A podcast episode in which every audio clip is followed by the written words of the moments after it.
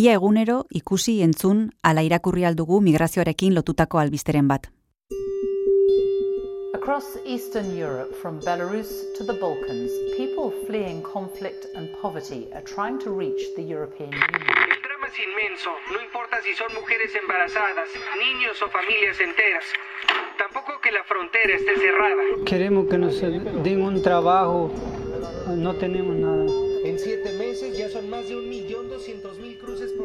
Amerika ertainetik estatu batuetarako bidean Mexikoko Rio Brabon hildirenak, Lesbosen, Afganistanen, Ukrainan, Zeutan edo Melian. Baina etxeko atetik ere milaka pertsona pasatzen dira Europa aldera.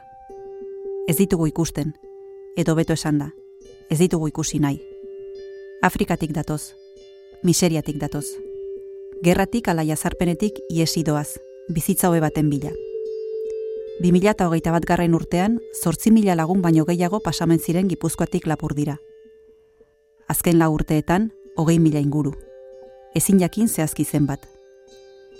Baina azken hilabeteotan, zazpi pertsona hil dira itota bidasoa ibaia zeharkatu nahian. Hoiek zifrak dira, zenbaki hotzak. Baina podcast honetan haien aurpegiak aurrez aurre jarri, haien begiradak ikusi eta haien ahotsak entzungo ditugu. Baita motxila batean kabitzen diren bizitza batzuk ezagutu ere. Bila, bila, joan gera, buelta ma otra, otostas, hau dute bilatzen horrela, eta Ari ginen bilatzen lekua, eta pentsatu dugu igualan edo. Ez hemen egoten gera, baina hori Ba. gortitugu mailak era hementxe eta momentu batean joan gera. Irun Gipuzkoako bigarren hiri handiena da. Lapurdi eta Nafarroarekin egiten du muga, eta bertan sortu da migrantei laguntzeko herritar mugimendu bat. Irungo harrera sarea. Badira urte batzuk jada, udaletxeko plazan, San Juan plazan, Irungo talde honek karpa bat egunero jartzen duela Frantziarako bidean muga pasa nahi duten migrantei harrera egin, informazioa eman eta behar dutenak gurutze gorrira bideratzeko. Harrera elkarteko gari garaialderekin elkartu gara bertan.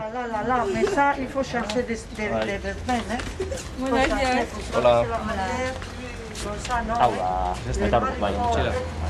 Motxila duna aiza. Aixa bolikostako geitala urteko emakume gaztea da.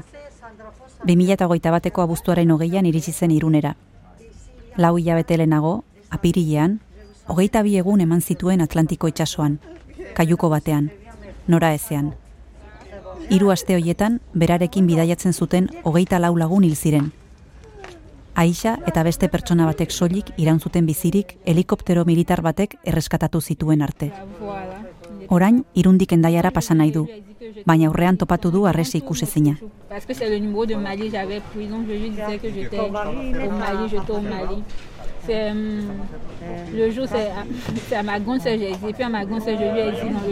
Bide luzea eta gogorra egiten dute migrari guziek. Eta muga honetan edo tarteko batzuetan lotuta, zoritxarrez, ez dira denak bidearen amaierara iristen.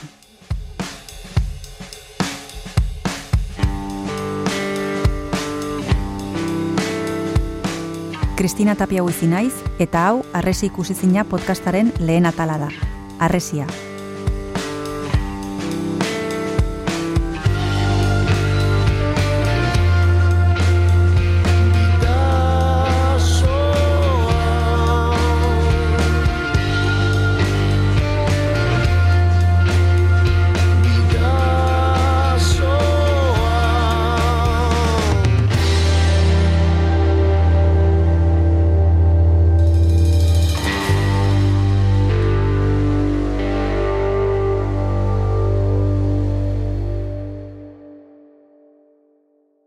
Nafarroako bera izena duen herrikoa naiz, mugakoa.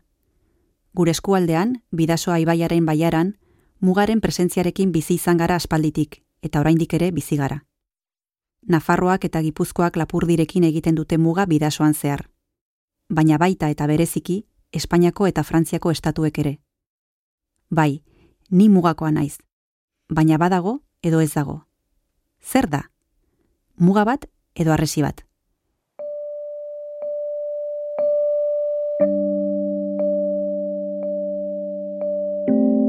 Ba, muga ez da existitzen, e, berez e, mugaz indiko langilontzako nik egunero bizpailu handiz pasatu dut muga, ez dut inolako arazorik, ez? Bueno, auto, autolerroak edo sortzen direnean. E, bai hau eta bai Santiago Zubikoa, ze bueno, hau urruña eta e, iruna artekoa da, Santiago Zubian endaia iruna artekoa, hogeita labor dut daude, eta bueno, badire egunak e, zorrotzago jokatzen dutenak beste batzuk ez, baina hor bai ematen dire ba, nik uste dut jendeak ez dakizkin edo jakinarazten ez diren oso realitate gordinak. Koldo nagusia antxeta irratiko kazetaria da. Endaia, Irun, Urruña, Biriatu, Ondarribia eta berako informazioa lantzen duen tokiko edabidea. Mugaren bi aldeetan lan egiten dute eta hango errealitatea ondo baino beto ezagutzen dute. Ni betza, atzo aixak esaten zegoen, no, mugana eta ez dakiz zer, Tantzimo eta zuek, netzako ez dago mugari. Zer gaina, tantu, ah, zenbat, nola hitzaitun zuten frantzesez, eta zakiz, eba segon gurekin, eta eba kasko, eta esan eske, eba frantzian bizi da.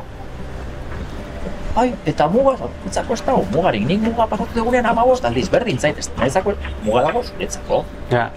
Zuretzako, mm, etorkina zerelako, baino baita ere, oza, zu hemengoa izango bazinare eta beltza, segurazki, ni baino asko zara zoi izango.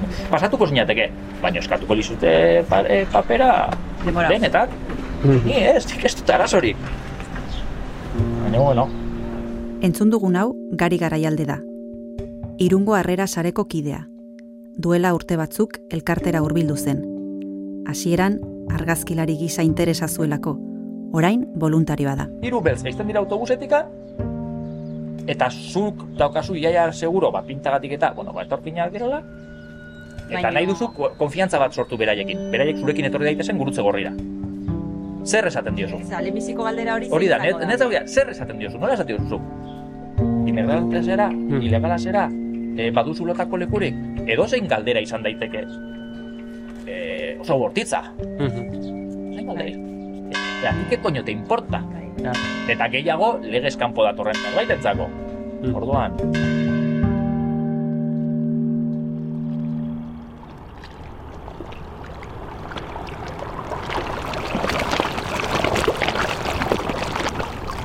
Urrengo itzordua ondarribian dugu. Bidasoa ibaia itsasoratzen den herrian.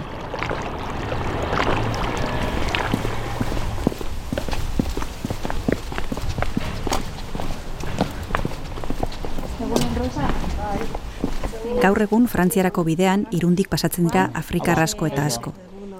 Baina duela irurogeita mar urte portugesak ziren. Hala kontatu du Rosar Burua EHUko historia irakasleak gaulana izeneko liburuan. Kasu honetan ere, zifra zehatzik ez dago, baina antza denez, irurogeiko hamarkadan Portugaleko eundaka migrantek zeharkatu zuten muga. azaldu zen beste kontrabando mota bat. Netzako ez ezaguna zela, ez zerbait nozpait alakoren bat aditua bai, baina ez e, sustantziaz. Eta zen Portugaldarra haunitz pasatu zela gure mugatikan. Esaten zidaten eh, espainolasi, venían unos españoles hasta la frontera, hasta la raya, eta orduan haiekin etortzen zirela, kotxez, gero eh, kamioietan ere bai, eta bar, eta bar. Eta La Raya. Zer da marra hori? Zertarako balio du? Historian zehar arresiak mehatxuetatik babesteko eraiki izan dira. Txinako arresi handia, Mongoliarren erasoi eusteko, Ertaroko hiribilduetako arresi almenatuak gerra eta lapurretei izkin egiteko. Estramuros eta intramuros pertsonen bereizketa sortzen dute arresiek. Barruan gaudenon eta kanpoan daudenen arteko bereizketa. Pertsonak eta herri osoak ere bereiztu eta zatitzen dituzte hormek. Berlingo arresiaren antzera. Beti egon dira arresiak. Eta bat erortzen denerako, beste bi berri eraikitzen dira. We're going to build the wall. We have no choice. We have no choice. I would build a great wall, and nobody builds walls better than me, believe me. Build that wall. Build that wall. Build that wall. Build that wall. Build that wall.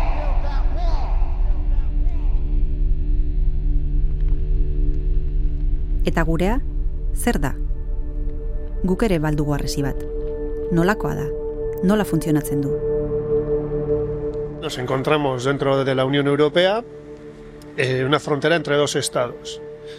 Eh, en que esto ligado con el contexto jurídico o institucional debemos entenderlo como que son dos estados soberanos pero que se enmarcan dentro de la Unión Europea que desde el año 85 y siguientes en teoría eh, se fueron eh, eliminando los controles fronterizos dando lugar a una situación de, bueno, de, total movilidad, de, una, de la creación de una eh, euroregión, eh, donde los habitantes de esa zona se movían, comenzaron a moverse con cierta eh, normalidad entre un territorio y el otro. Iker Barbero EHUko administrazio zuzenbideko irakaslea da. Berak bi muga mota ezberdintzen ditu. Batetik, bi estatu desberdin banatzen dituztenak. Adibidez, Estatu Batuak eta Mexiko edo Europar Batasuna eta Marokoren artekoak. Eta bestetik, Europar Batasunaren estatuen arteko mugak. Espainian eta Frantzian eskubidak berberak dira. Ez ordea, Turkian, Libian edo Marokon. Sucede una doble cuestión, que la Unión Europea fronteriza esas, esos límites, es decir, eh, crea unas fronteras cada vez más altas, unas barreras cada vez más altas, pero al mismo tiempo encarga a la persona que es, al Estado que está al otro lado el control de esas fronteras. Estados como Marruecos, Turquía, Libia, donde las garantías de los derechos son eh, mínimas, por no decir inexistentes. ¿no?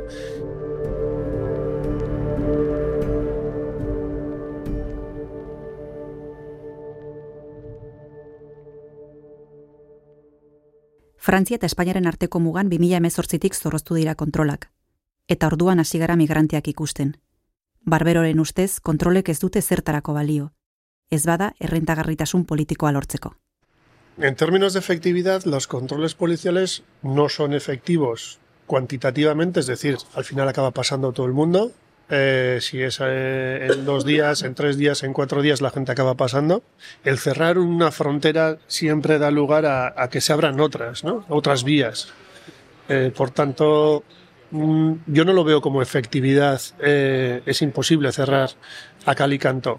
Se pueden controlar algunos puntos que son mucho más, mucho más rentables para la policía, con menos efectivos controlan más, pero siempre darán lugar a que las personas acaben eh, o cruzando las montañas o los ríos, dando lugar a lo que hemos visto, ¿no? Muertes, de, heridas, eh, desapariciones y costes para las personas. E, hori da kontua, baina argi dagoena da politika konkretu batzuen ondorioa da hau. Eta da, migrantek egin egingo duten bai ala bai egingo duten bidea oztopatzen dela eta euren bizitza arriskoa jartzen duten. Eta bidean, Atlantikoan eunka, bidasoi baian momentuz itxota iru, eta bidean zenbat gera- daitezke. Bidasoako uretan gertatu da ezbeharra, amaika kaldera piraguan zebiltzan lagun batzuek atzeman dute gorpua, Santiago aurre uartearen inguruan, eta larrialdi zerbitzuek atera dute. Iparralde eta hegoaldeko muga gurutzatu nahian zebilen pertsona migratzaia da hildakoa, da hildakoa. Indarlatza inguruan, Nafarroa eta Gipuzkoa arteko mugan, goizeko amaiketan padel surfa egiten ari zen kirolari batek aurkitu du gorpua. Sos deiakera deitu eta larrialdi zerbitzuak iritsi direla. Eun metro inguru daude irun eta endaia zeharkatzen dituen ibai honetan. Bidaso ibaia trampa bihurtu da Europa erdialdera heldu nahi duten migratzaileentzat atzokoarekin hiru dira aurten ibaian itxota hil direnak eta egoera horri Mendiak eta ibaiak aspalditik gurutzatu izan ditugu hemen. Gauzak eta pertsonak pasatzeko leku batetik bertzera. Baina hori, ematen zaie, azkenean, e, kokatu egiten ditugu, pixkat, jakin dezaten nun gauden. eta Esaten bai. gaude, zati askok pentsatzen dute, hau Frantzia da, ez ez ez, hau irun da. Ordan pixka kokatzeko irun, endaia, eta begira, usten. Eta begira, zazpiron kilometro muga. Eta gu hemen gaude, eta begira, hau dena dago, eh? Mm. Frantziara pasatzeko. Bai e, banekiela, ez, errepublikarrak eta gerra ondoren eta pasatuak izan zirela, nazionalistak eta bar, baina, bueno, gero, Portugaldarren e, figura bat azaldu zen, eta haiek isilpean pasatzen zirela gure mugaz gainez. Horretarako kontrabandistak eta pasanteak egon dira, eta oraindik ere badaude. Muga pasatzen laguntzeagatik dirua kobratzen duten pertsonak.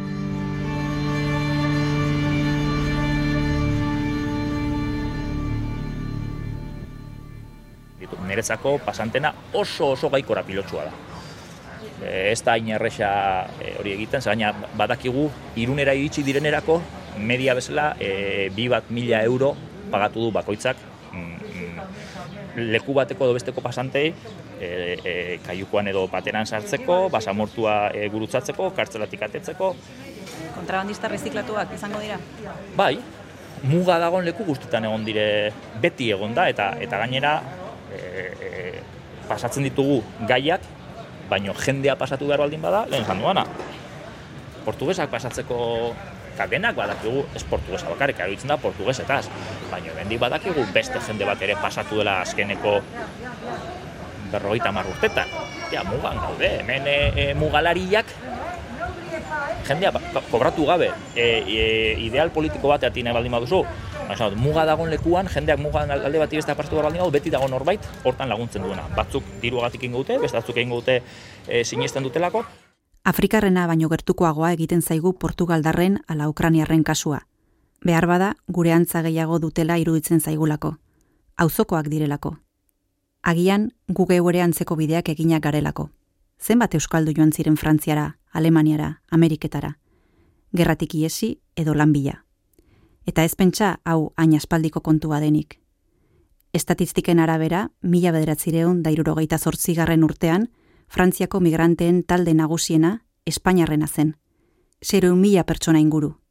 Haietako asko eta asko euskaldunak. Nire familian ere fenomeno hori ezagutu dugu. Irurogeiko amarkadan, Atatxi Elias estatu batuetako koloradora joan zen eta hiru urte terdi eman zituen hango mendietan hartzai gisalan egiten eta hori baino lehenago Nafarroako bortziriak eskualdean kontrabandista izan zen, bertzeak bertze. Inoiz ez zidan kontatu, baina kaso, portugesaiekin bat egin zuen noizbait.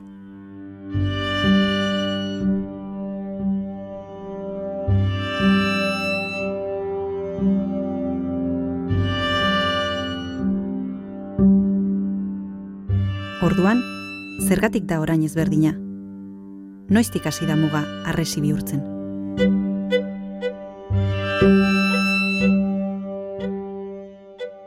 Desde el 2015 aproximadamente, eh, Francia estableció unos controles, sobre todo vinculados al terrorismo, a consecuencia de una serie de ataques eh, en, París y en, en otras ciudades importantes de Francia, y con esa excusa, por así decirlo, restableció sus controles eh, en todas sus fronteras. Eh, este fenómeno de del restablecimiento de controles se estableció ya de casi manera permanente eh, en 2016, 2017. Ahí es cuando entre el control y el aumento de, personas que entran por, por, frontera sur, por Mediterráneo, sobre todo por Andalucía entonces, en el 2018, rumbo al norte, es cuando se visibiliza en Irún, sobre todo en Irún, que, hay, que hay un, un límite eh, al cruce, ¿no? hay un impedimento al cruce eh, y la gente se empieza a quedar rezagada en, eh, en Irún. Eta resi bat baldima dugu, denentzat darresia edo batzuentzat bakarrik. Nortaz babesten gaitu. Zein da eutsi beharreko erasoa? Nortzuk dira txaiak? Irakurtzen eta idazten ez dakien e, e, amabi urteko mutil bat azaldu zen behin hemen, karrera universitaria eginda daukan e, e, jenderaino, e, denetik. Gehienak Mali, Kotibuar eta eta Ginea Konakri. Ni ez hori egon nintzen emakume horrekin ere, ez da izango zituen, eske aur bat zen, hogei urte izango zituen, hogei Eta emakizu bere maleta, pelutxekin,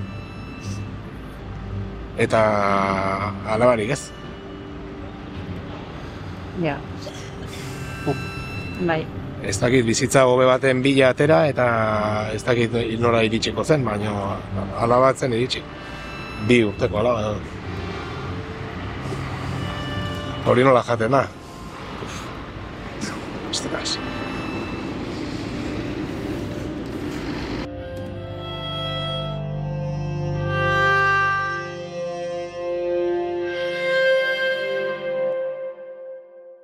Orduan zein da etxaia?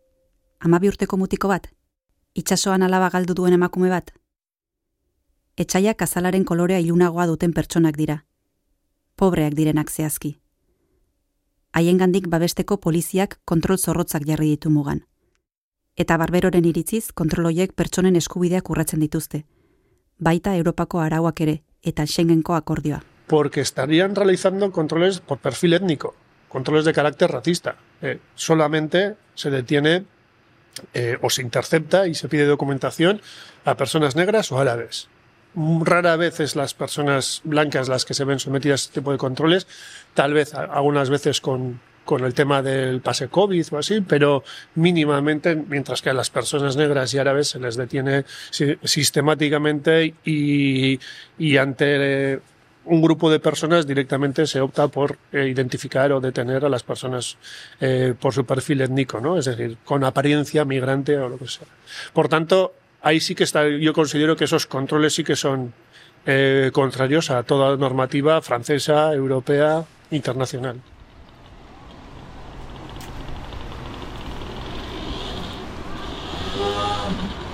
Eta hemen gaude, Orain, bai. irunen, eta... Hau irungo behobia da, eta e, zubiaren beste aldean e, urruñako pausu. Beraz, bueno, urruñako pausu... Biriatuko zubian gaudelarik, geure begiekin egiaztatu izan dugu Frantziako poliziak kontrol arrazistak egiten dituela. Azal zuririk ez duten gidari guztiei alto eman eta paperak eskatzen dizkiete. Baita furgoneta susmagarriak harakatu ere. Hor, orain gelditzen ari dira, bai, gero furgonetak, bai, ikusten dugu hemen mutiko gazte hau, furgonetarekin. Furgonetak e, kristali juna baldin badituzu, e, normalean horiek gelditzen bituzte beti ikusteko ea... Ea norbait dagoen. Ea, bai, edo migranteren bat, edo zeo zer, bai, engarraiatzen duzun, bai. Bueno, furgoneta da matematiko, eh? Bai, furgonetak bai. E, tapatua dutenak edo kristala beltzak eta ez ba ondo ikusten bai. Hor dago, eta bilatu behar duzu, ze hau kasnean pasa ingo dire. Pasa ingo dire, gu hemen egon edo ez egon, polizia egon edo ez egon, pasa ingo dire.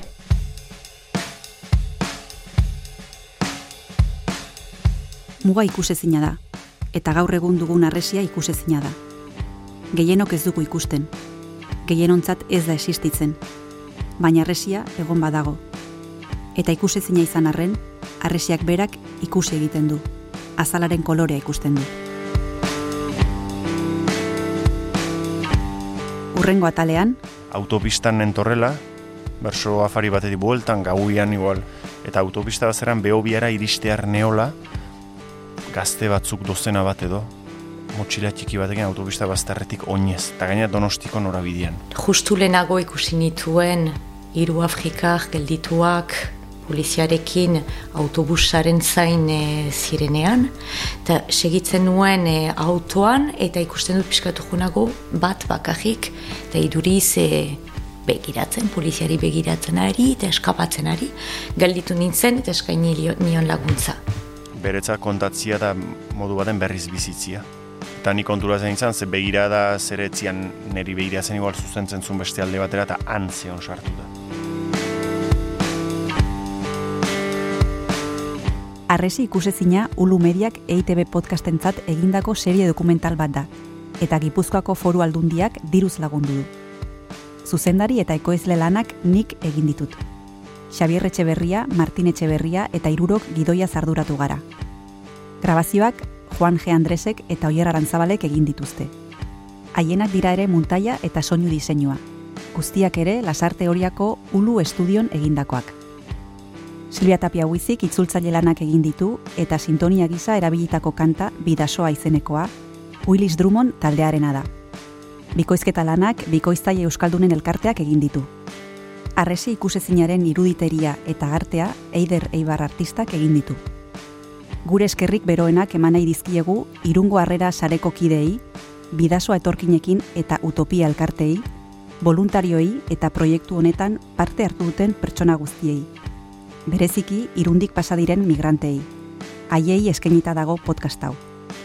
Gogoratu EITB podcasten edo audioak entzuteko darabilzun dena delako plataforman entzun dezakezula arresi ikusezina. Arpietu eta gustoko baldima duzu familia eta lagun artean zabaldu. Zaindu eta hurrengo atalera arte entzule.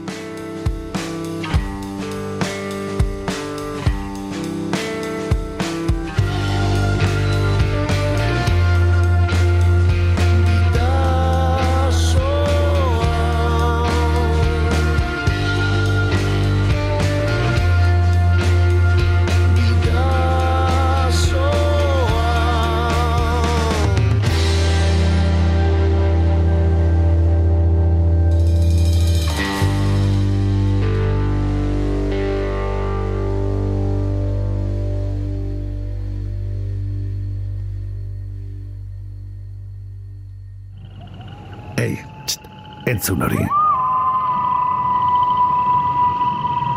Ulu Media.